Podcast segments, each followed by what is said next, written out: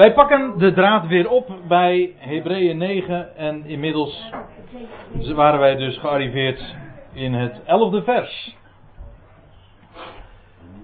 Waar Paulus, of in elk geval de schrijver, aanvangt met maar Christus, opgetreden, of letterlijk staat er aankomende, als hoge priester. De, de suggestie is natuurlijk hier wel volkomen duidelijk. Nu begint pas echt gespro uh, wordt echt uh, gesproken in het negende hoofdstuk over de tegenstelling. Dat blijkt dus wel uit dat. Maar Christus, in tegenstelling tot al die bepalingen van het vlees, van spijzen en dranken en offeranden en reinigingen, etc. Maar Christus, aankomende als hoge priester der goederen. Dat der goederen, dat is een prima vertaling, alleen wij denken bij goederen, vrij logisch, aan artikelen. Maar dat is niet het punt. Het, is het, het Grieks kent namelijk een, een meervoud voor goed. En dat is dus, het zijn goede dingen. Goederen heeft dus niks te maken met artikelen, maar te maken, hij is de hoge priester van de goederen. Dat wil zeggen van de, van de goede dingen. Dat is het. Nou, welke goede dingen, daar wil ik straks nog even een opzomming van geven. Aan de hand van de Hebreeënbrieven. Maar eerst nog even dit. Uh, daar staat die gekomen zijn. Ja, maar als u nou een statenvertaling hebt, dan zegt u hallo, dan staat er juist iets heel anders. Er staat de toekomende goederen. Nou, de weergave zoals de MBG hem heeft, is in elk geval niet correct. Het is nogal een verschil of het de, de, goede, de goede dingen zijn die gekomen zijn of die toekomend zijn. En in het Grieks staat daar, eh, als je het meest letterlijk weergeeft, eh, de dingen die worden, die bezig zijn te worden. Ja, dat is natuurlijk een nog stijve weergave, maar goed, dat is het idee. De hoge priester van de goede dingen die in wording zijn. Dat is, dat is als je het heel letterlijk zou weergeven, dan uh, is dat de vertaling. Hij is de hoge priester. Wel over zijn identiteit is natuurlijk al zoveel gezegd. In het zevende hoofdstuk ging daar in zijn totaliteit over. Hoge priester naar de ordening van, de, van Melchizedek. Wel, die hoge priester is eh, hoge priester van goede dingen die bezig zijn te worden. Of die worden. En ja, het gaat over de, de goede dingen. Laat ik eens een aantal dingen daarvan opzoomen aan de hand van deze brief.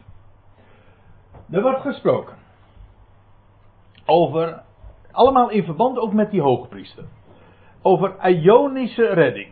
Ja, eeuwige redding.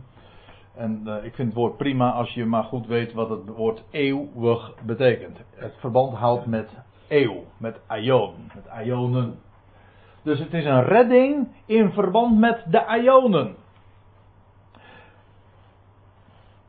Het staat ook tegenover het tijdelijke fenomeen van het oude verbond.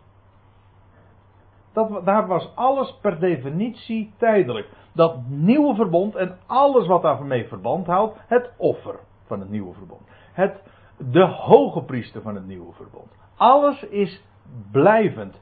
Trotseert de ionen, de wereldtijdperken. Ook de redding die in tot stand is gekomen, of tot stand komt, gewoon, ik bedoel het nu even als tijdloos feit, is blijvend, is ionisch, doorstaat de eeuwen. Dat geldt ook voor de vrijkoping. Ja, we zullen het straks nog wel zien. Het wordt weergegeven met de verlossing. Maar verlossing is eigenlijk vrijkoping. Loskopen. Lossen. Losmaken. Uh, een ionisch lotsdeel. Dat is ook wat anders dan we hem in de MBG tegenkomen. Daar wordt gesproken over een eeuwig erfdeel. Maar het is eigenlijk een, een lotsdeel. Een iets wat je door loting uh, ten deel valt. Of in ieder geval wat als lot jou toebedeeld wordt. Een, een Ionisch verbond. Ik heb de schriftplaatsen er allemaal bij gezet, zodat je dat allemaal kunt natrekken. Een Ionisch verbond. Dat is uh, een benaming van het nieuwe verbond. Het oude verbond was tijdelijk, op voorhand bedoeld ook tijdelijk te zijn. Dat nieuwe verbond is omdat de verplichtingen geheel aan Gods zijde liggen, gegarandeerd blijvend. Een Ionisch verbond. Dat wil zeggen, het houdt, houdt stand in deze, in deze Ion sowieso. Ik bedoel, halverwege deze Ion is het allemaal tot stand gekomen.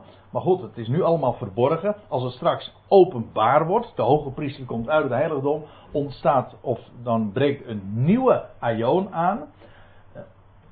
In ieder geval ook voor de duizend jaren, maar ook de perioden of die nieuwe schepping daarna. Is weer een nieuw tijdvak. Ook dat zal het alles trotseren. Een Ionisch verbond. Een, een ander goed ding is een volmaakt geweten. Dat wil zeggen, gereinigd. Volmaakt, een volmaakt geweten wil zeggen dat het dat je God recht in de ogen kunt zien, zodat er geen enkel besef meer is van kwaad. Je bent, uh, maar dat is een uitdrukking die niet in de Hebreeënbrief gebezigd wordt, maar in de uh, brieven van Paulus wordt gesproken over gerechtvaardigd. Vrijgekocht. Volmaakt in de ogen van God. Ik zal even één woord citeren uit de Hebreeën 10. Dat komt er het dichtste bij. Deze echter is, het gaat nu over de hoge priester die wij kennen onder het nieuwe verbond, Christus Jezus. Deze echter is, na één offer voor de zonde te hebben gebracht, voor altijd gezeten aan de rechterhand van God. En dan staat er in vers 14, door één offerande heeft hij voor altijd hen volmaakt die geheiligd worden. Dat wil zeggen, ja, volmaakt betekent toch echt volmaakt. Dat wil zeggen, uh, volmaakt in zijn ogen. Dat is zijn werk. Een volmaakt geweten. En een vrije toegang in het ware heiligdom, ook daar zullen we het nog over hebben. En bovendien, eh, maar dat hebben we in hoofdstuk 8 al gezien, waarbij de wet niet wordt opgelegd, maar God zal straks ook de wetten van hem in de harten schrijven van zijn volk. Dat doet hij vandaag ook. Dat wil zeggen, hij schrijft vandaag Christus in onze harten. Dat is een heel opmerkelijk verschil. Paulus zegt, als hij spreekt over het nieuwe verbond dat ook aan ons bediend wordt, dan zegt hij dat wij brieven van Christus zijn. Dat wil zeggen, Christus wordt in ons hart geschreven. Maar in ieder geval dat idee van dat er niet opgelegd wordt, maar in het hart geschreven wordt, van binnenuit is die, vindt die transformatie plaats. Wel, dat, zijn al, dat is een van die vele goede dingen die allemaal aan het licht gekomen zijn in, in Christus. Enzovoorts. Ja, ik kan nog even verder gaan. Maar dit zijn van die elementen die al genoemd zijn of nog genoemd moeten worden. Maar die je zo al in deze brief uh, kunt terugvinden. Allemaal goede dingen. En ja, nou kom je ook nog op een andere vraag en dat is: is het nou toekomstig of is het inmiddels al gekomen? Kijk, vanuit het perspectief gezien van het oude verbond was het, waren het toekomende goederen. Maar is het nu nog steeds toekomstig? Ja, het hangt er vanaf voor wie je het, uh, over wie het hebt, als u het mij vraagt. Namelijk, het is nu in, in Christus allemaal al daar beschikbaar. Alleen dat is verborgen. Dus waar bevinden die. Eh, laat ik het anders zeggen. Waar bevinden die goede dingen zich? Nou, achter het voorhangsel, daar in het verborgene, in het hemelse, ontrokken aan het oog. Dus die goede dingen zijn er allemaal. Al die dingen die hier gesproken worden, die zijn in Christus vandaag al de realiteit. En dat is waar de schrijver over, het over heeft. Alleen, wat er straks gaat gebeuren, als die hoge priester uit het heiligdom komt, ja, dan wordt het zichtbaar. Hij zelf wordt zichtbaar, maar hij wordt ook al die goede dingen worden dan manifest. En worden dan ook het deel van het volk. Nu ziet het volk daar nog niks van. Straks wordt het anders. Straks zal hij ook voor dat volk. En daarmee ook voor de volkeren gaan verschijnen. En al die goede dingen. Ja, die zullen dan de aarde vervullen. Dus ja, toekomende goede dingen. Dat waren, dat waren het zeker. Bezien vanuit het perspectief van het oude verbond. Toen was het toekomstig. En vandaag is het ons deel. En, laat ik het dan even vanuit de Hebreeën, uh, de, de Hebreeën perspectief bezien. Voor die Hebreeën was het inmiddels realiteit in de hoge priester. Dus, maar Christus, aankomend als hoge priester van de toekomende of de wordende goede dingen, is door de grotere en meer volmaakte tabernakel. Nou, dat het een grotere is, lijkt me duidelijk, want de schrijver had al eerder naar voren gebracht dat die tabernakel een uitbeelding is van de hemel, het hemelse. Nou, dat lijkt me toch aanzienlijk groter dan uh, de afmetingen van die tent die in de tent, uh, die in de uh, woestijn was geplaatst. En bovendien een meer volmaakte tabernakel. Want hoezeer het ook alles kostbaar was en, en rijk versierd en met goud, etc. Het is de zoveel meer volmaakte tabernakel. De echte tabernakel, die onttrekt, onttrekt zich aan het oog, dat is de hemelse. Dat is waar God woont. Het is waar de, laat ik het anders zeggen, waar nu de hoge priester is. De, daar is hij nu. De hoge priester van die toekomende goede dingen. Die is door, door de grotere en meer volmaakte tabernakel. Is die ingegaan. En dat is die tabernakel die niet met handen is gemaakt. Zoals die, die eerste dus. En dat betekent hij is niet van deze schepping. Van een heel andere orde.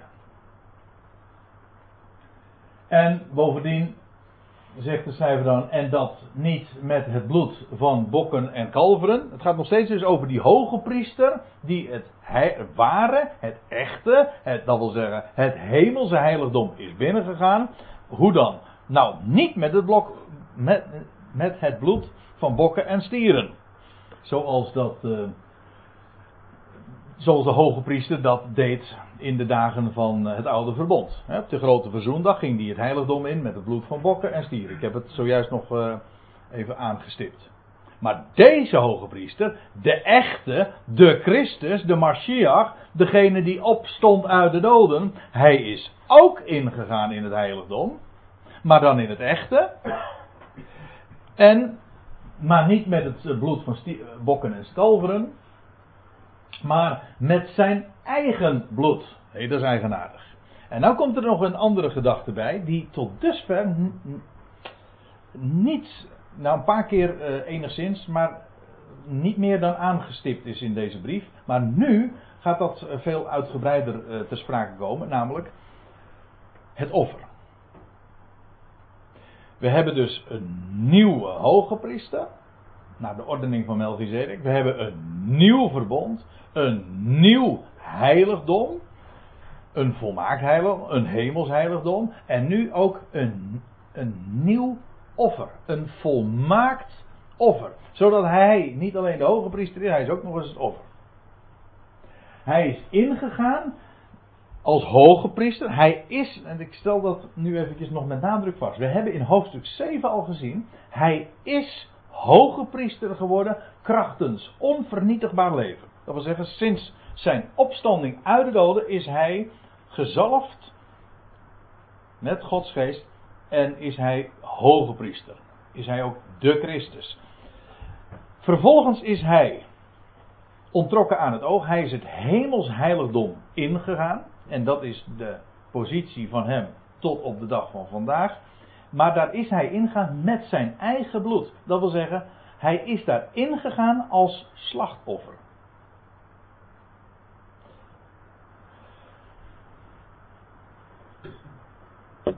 Wat bedoel ik daarmee? Daarmee bedoel ik, hij was degene die ooit geslacht is. En vervolgens is hij opgestaan uit de doden. En dus de ene gedachte is, hij is de hoge priester die ingegaan is in het heiligdom. Maar hij is net zo goed ook het offer, dat wil zeggen degene die geslacht werd, het slachtoffer dus, die vervolgens, want dat is wat een offer is, verrees uit het graf en opsteeg tot God. Letterlijk, dat is, dan, is het, dan praten we ook met recht over zijn hemelvaart. Dus uh, via welke lijn je ook gaat, je komt toch bij uiteindelijk uit in de hemel. Die hoge priester ging het hemels heiligdom in. En, en, de offer, en het offer, of dat slachtoffer, ja. Want het hele idee dat altijd naar voren gebracht wordt, ja, dat slachtoffer, dat verwijst naar het Golgotha. Dat is niet waar. Golgotha spreekt van zijn slachting. Maar dat is niet het offer. Het offer is wat er na de slachting plaatsvond, namelijk toen het opsteeg tot God. En toen ging het slachtoffer dus met recht naar boven. In de hemel. Onttrok hij zich aan het oog. Dat gebeurde trouwens ook met een dier dat geofferd werd, want wat gebeurde, het ging in rook op. Goden tot een liefelijke reuk lees je nu altijd. Maar het werd onzichtbaar. Dat is toch wel feitelijk wat er gebeurt als het verbrandt. Ja, ze was goden tot een liefelijke reuk. Het ging naar boven, maar het werd ook onzienlijk. Goed, hij is met zijn eigen, hij is binnengegaan, eens voor altijd. En de tegenstelling is hier voortdurend uh, met het oude verbond, waarbij er telkens weer die herhaling was van offers. Ook de Yom Kippur, dat mocht dan Yom Kippur, een grote verzondag zijn. Ja, maar de volgende, volgend jaar moest het weer opnieuw, datzelfde ritueel, uh, opnieuw gedaan worden. Niets was blijvend. Hij is eens voor altijd, en dat is waar al die voorgaande rituelen van spreken. Eens voor altijd is hij daar nu in de hemelse, in de heilige plaatsen.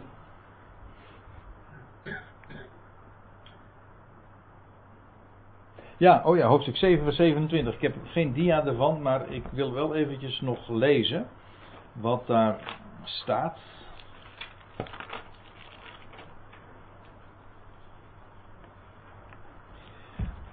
Want ik zei dat het nog nauwelijks was aangestipt. En dat klopt ook. Omdat het pas in hoofdstuk 9 echt uitgebreid aan de orde komt dat hij ook het ware offer is. Maar het neemt niet weg dat er al uh, een, een hint gegeven was in die richting. Aan het einde van het zevende hoofdstuk, daar lezen we.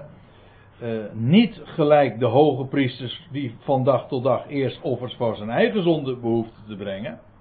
En daarna die voor die van het volk.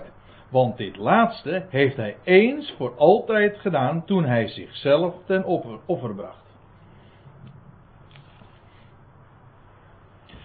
Dus daar vinden we die aanzet al, dat eh, vervolgens in hoofdstuk 9 wordt uitgewerkt. En dan lezen we, waardoor hij, door in te gaan in dat hemels heiligdom, uh, een eeuwige verlossing verwierf. Of zoals u eh, al eerder van mij vernam, een Ionische. Als ik zeg Ionisch, dan is dat eigenlijk nogal uh, op zijn Grieks geformuleerd, want dat is precies wat een Griek ook ongeveer zegt. Ionisch. Een Ionische verlossing. Dit woord verlossing, dat is inderdaad vrijkoping, losmaken, loskopen. Iemand is uh, het, het, komt voornamelijk uit, het, uit de beeldspraak van uh, slavernij. En een slaaf kon worden vrijgekocht. Waardoor die dus niet langer een slaaf was. Nou, dat vind je nogal eens een keer in het Oude, maar ook in het Nieuwe Testament. Wel, die vrijkoping die nu heeft plaatsgevonden, die is Ionisch. Tegenover dat tijdelijke van, van weleer. Er staat trouwens, je ziet hier verwierf, en dat vind ik nou zo mooi om met een interlineair te werken. Een concordante interlineair. Eh, want er staat niet eh, verwierf, waardoor hij verwierf, maar er vindt. Dat is nog wat anders, hè? Hij vindt, hij, waardoor hij een Ionische vrijkoping vindt. niet verwierf. Ik zeg niet dat de gedachte op zich onjuist is, daar gaat het mij niet om. Ik wil alleen aangeven dat er hier iets anders staat. Het idee daarbij is dat hij het vindt. Het was er dus kennelijk al, maar hij brengt het aan het licht. En dat is wat hij gedaan heeft. Hij heeft die vrijkoping aan het licht gebracht. Want als reeds het bloed van bokken en stieren, nou, waarover al eerder gesproken is, die bokken en stieren op uh, Yom Kippur, als het bloed, dat bloed reeds en de besprenging met de as van de vaars hen die de verontreinigd zijn heiligt, dat is zo. Dat bloed, dat deed wel zijn werk. Je leest ook dat er offeranden gebracht werd, eh, eh, werden en dan staat er van en het zal tot verzoening zijn. Ja, maar dat was slechts in beeld zo. Er gebeurde werkelijk, in werkelijkheid niets. Het waren bepalingen, zoals we lazen, voor het vlees. Dat gold met het bloed van bokken en stieren. Maar nu wordt er gesproken ook nog over de besprenging met de as der vaas. Kent u die? Dat verhaal? Dat is. Uh, ja. Uh, je, moet, je zou het voor de aardigheid eens een keer even moeten opzoeken op internet. Er is een heleboel over te vinden. Want er is uh, een groot instituut in Jeruzalem gevestigd. Het Tempel Instituut. En die houdt zich bezig met alles voor de, wat, ja, wat moet worden gedaan. Wil straks die derde tempel gaan verschijnen. In, op de heilige plaats. Alles ligt al in gereedheid. En zelfs, eh, niet alleen alle attributen, maar bijvoorbeeld er moest een rode vaas zijn. En dat nemen de Joden heel erg letterlijk. Het moet een rode jonge koe zijn, maar dan willen ze ook een echte rode jonge koe hebben. Want in nummer 19 vinden we dat beschreven, dat het een rode koe is. En, ehm, en, die, en die koe, die jonge koe, die, uh, die moet echt zo rood zijn als maar. En daar zijn ze zelfs ook speciaal, dat is echt zo leuk als je die verhalen ook leest. Uh, daar zijn ze ook zo mee bezig omdat dan, uh, als straks die tempel dan weer gaat functioneren, zoals de Joden dat ook uh, geloven en daarmee bezig zijn, wel, dan zal daar ook weer zal daar een echte een rode koe geofferd worden. Gekke is, als je de offeranden, als je iets over de offeranden wil weten, dan moet je in het boek Leviticus zijn. Exodus ook. Maar in nummerie vind je ze niet. Op één uitzondering na. En dat is een heel merkwaardig uh, offer. En dat is dus het offer van, uh, de, nou, van de rode vaars. Een vaars is dus een jonge koe. Dat is het enige offer dat in het boek Nummerie beschreven wordt en voorgeschreven wordt. Het is ook een heel bijzonder verhaal. Het is trouwens ook een heel bijzonder offer al.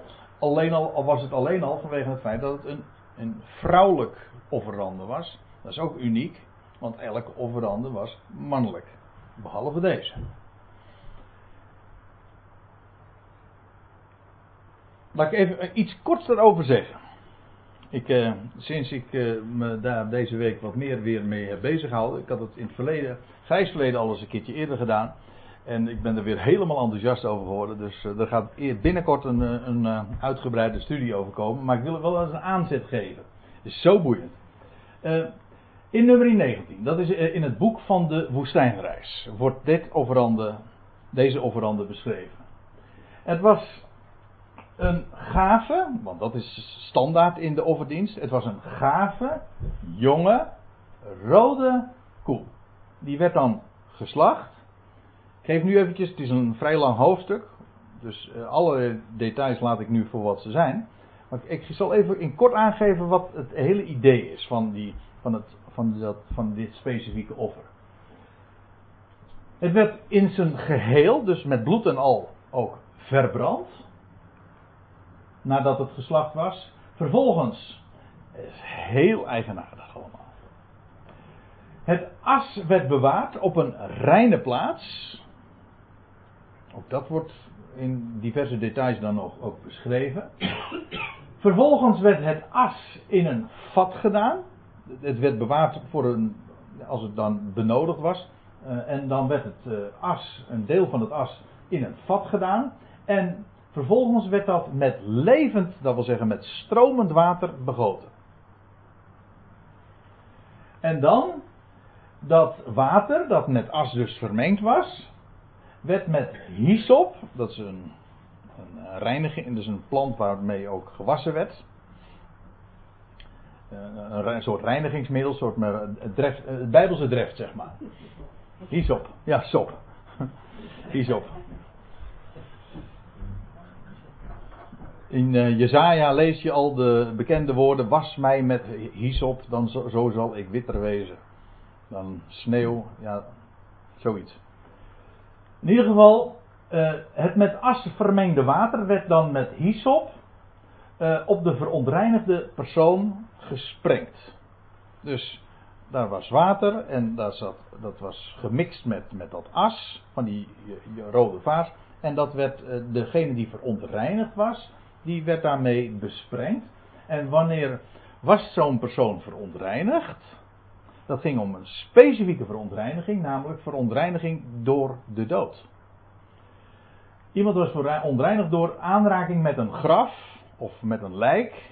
Ook daar vind je nog wat meer specifieke dingen over in dat uh, nummer 19. In elk geval, als hij met dat water besprengd was, dan, dan was hij inmiddels rein. Dus aanraking met de dood, welke zin dan ook, dat verontreinigde iemand. Maar dat offer van de rode vaars reinigde iemand daar geheel van.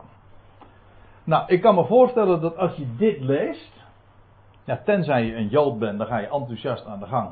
En dan maak je een, richt je een instituut op en dan maak je dat allemaal, ga je een, een, een, een koe uh, kweken of telen, hoe zeg je dat?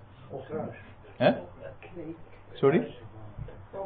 Fokken, ja, zo, ja, ik zocht het woord, maar ja.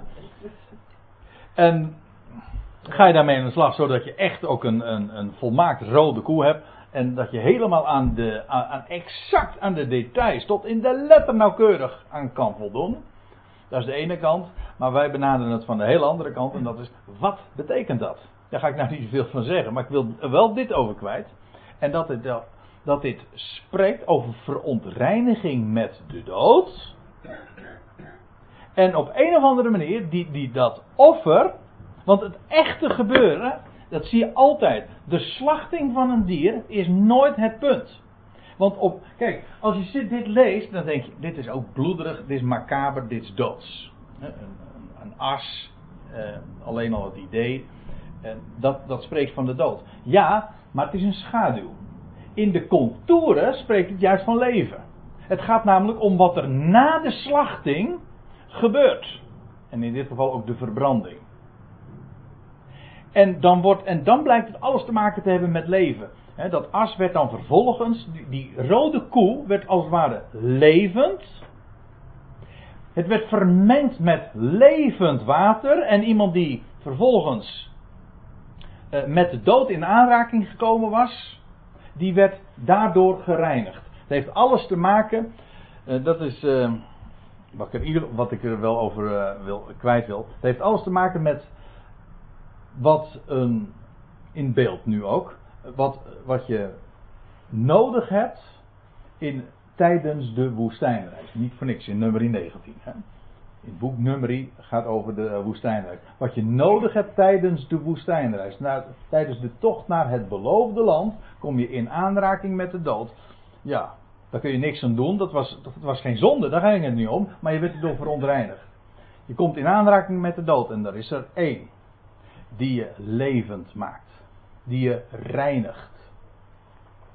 En dat heeft alles te maken met hem die stierf, maar die vervolgens opstond uit de doden. En hij, en nou zullen we het ook uh, gaan zien, want dit zijn geen eigen invullingen. Dit is precies ook wat de schrijver van de Hebreeënbrief naar voren brengt. Hij reinigt ons van die dood. Ik pak even de draad nog op in, in in Hebreeën 9, vers 13. Daar lees je. Uh, ja, dan moet ik even het hele vers lezen. En de besprenging van de, met de as van de vaars, hen die verontreinigd zijn, wel, die heiligt, zodat zij, dan moet ik even zodat zij naar het vlees, naar het vlees, meer was het niet, gereinigd worden. Hoeveel te meer? Nu hadden we het dus over het beeld, gewoon dat wat er bepaald was en zoals het geregeld was, naar die vleeselijke bepalingen. Hoeveel te meer het bloed van de Christus. Het slachtoffer, want daar spreekt het bloed van. Het slachtoffer van de Mashiach. Hij die nu leeft. Die door de eeuwige geest. Nou, de staat er niet. Want dan denk je meteen aan een persoon. Het gaat om die door Ionische geest. Een geest heeft altijd in de Bijbel te maken met leven. Vergis u niet. De geest krijgt, krijg je leven. Mijn woord zijn, is geest en leven. Die worden altijd aan elkaar gekoppeld. Wel, hij heeft zich geofferd, die zich door Ionische geest zichzelf, Christus dus hè, zichzelf als een smetteloos, wit, linnen, weet u nog, als een smetteloos gaaf offer, en ik herinner aan, een offer dat is dat wat spreekt van wat er gebeurt na de slachting. Let op, wat er gebeurt na de slachting, daar gaat het om. Hij heeft zich als een smetteloos offer aan God, uh, aan God gebracht. Aan God uh, geofferd dus. Hij, offer, hij offreerde zich, ja, zo kan ik het ook zeggen, aan, aan de God. En hoeveel te meer zal hij, die zo de dood overwon en die door Ionische geest leven, zich zo aan God offerde, na zijn dood dus, ons bewustzijn, ook hier staat, eerst wat werd het vertaald met besef, nu met bewustzijn, maar er staat nog steeds dat geweten. Dat wat wij met God meeweten. Ons bewustzijn of ons geweten reinigen. Precies wat, die, wat die, dat water ook deed met die, van die rode vaas waar ik het over had. Ja, maar nu echt. Het ons bewustzijn reinigen van dode werken. En staat er dan nog bij, ik zal het uh, nog even compleet maken, om de levende God te dienen. Ziet u hoe hier nu het accent gelegd wordt op juist.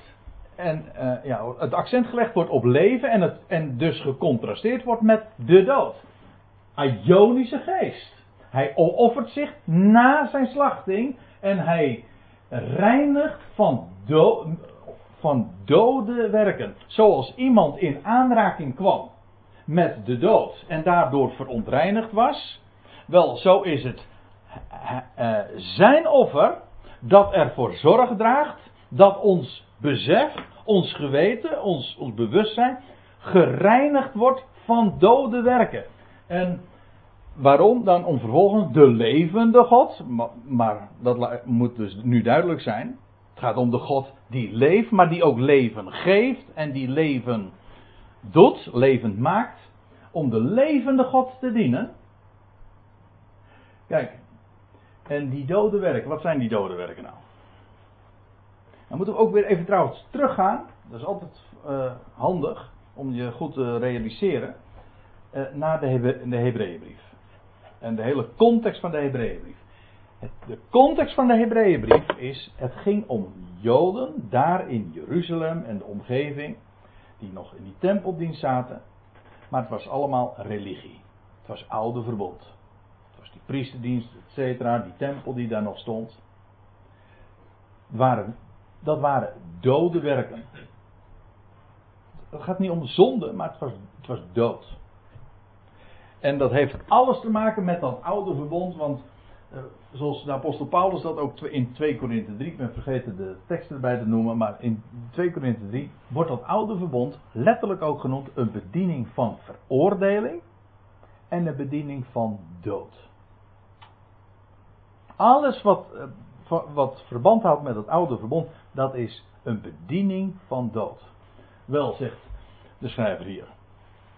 Wij kennen de Messias. Die andere, de nieuwe hoge priester, een nieuw offer, een nieuw verbond, een waar heiligdom en bovendien een waarachtig offer, waar dat e- ooit die offer van, dat, van die rode vaas, bijvoorbeeld, slechts een uitbeelding van is. Ons, niet, niet het vlees wordt gereinigd van de dood, zoals bij dat offer het geval het was. Nee, ons geweten wordt gereinigd van, van dood. Wij hebben besef van leven. Wij, wij leven dus echt. Omdat we een perspectief kennen dat de dood trotseert. Wij kennen Hem die opgestaan is uit het graf en een eersteling is en, en leven is, is, is, ligt voor ons. Kijk, in, dat is het grote contrast met het oude verbond. En, en dat betekende ook dat die, dat die Hebreeën moesten leren dat oude verbond en al die dode werken te laten voor wat ze zijn. En om de levende God te dienen en daarmee ook af. Want hun bewustzijn was gereinigd, immers van al die dode werken. Zij kenden leven. Ja. En dan zou ik verder kunnen gaan met het 15e vers. Ik wilde dat eigenlijk nog doen, maar ik zie dat wordt net even te veel om. Uh, om dat nu vanavond ook nog uh, bij te betrekken. Dus ik denk dat we er verstandig aan doen om hier nu een, een, een punt te zetten.